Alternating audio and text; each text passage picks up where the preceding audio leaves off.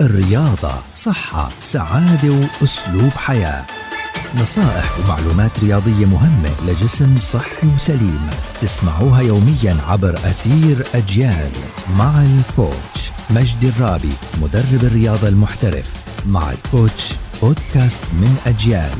يأتيكم كي تطوروا أجسامكم نحو صحة أفضل.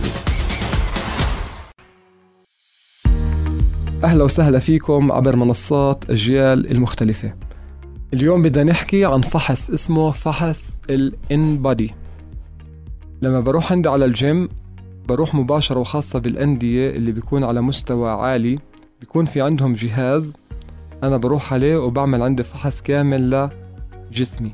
الفحص هذا إيش بيحكي؟ بيحكي قديش أنا وزن جسمي وزن جسمي من شو بتكون؟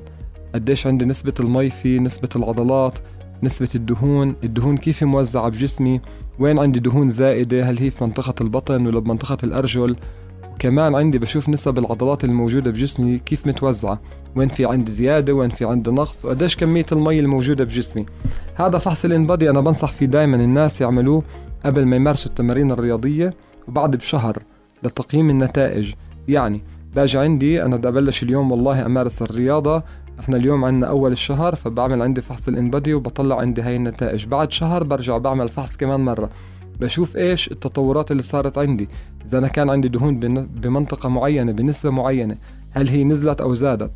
عندي نسبة العضلات هل هي نزلت أو زادت؟ وعلى أساس هاي النتائج ببلش أقيم إنه أنا ماشي بالطريقة الصحيحة أو لا.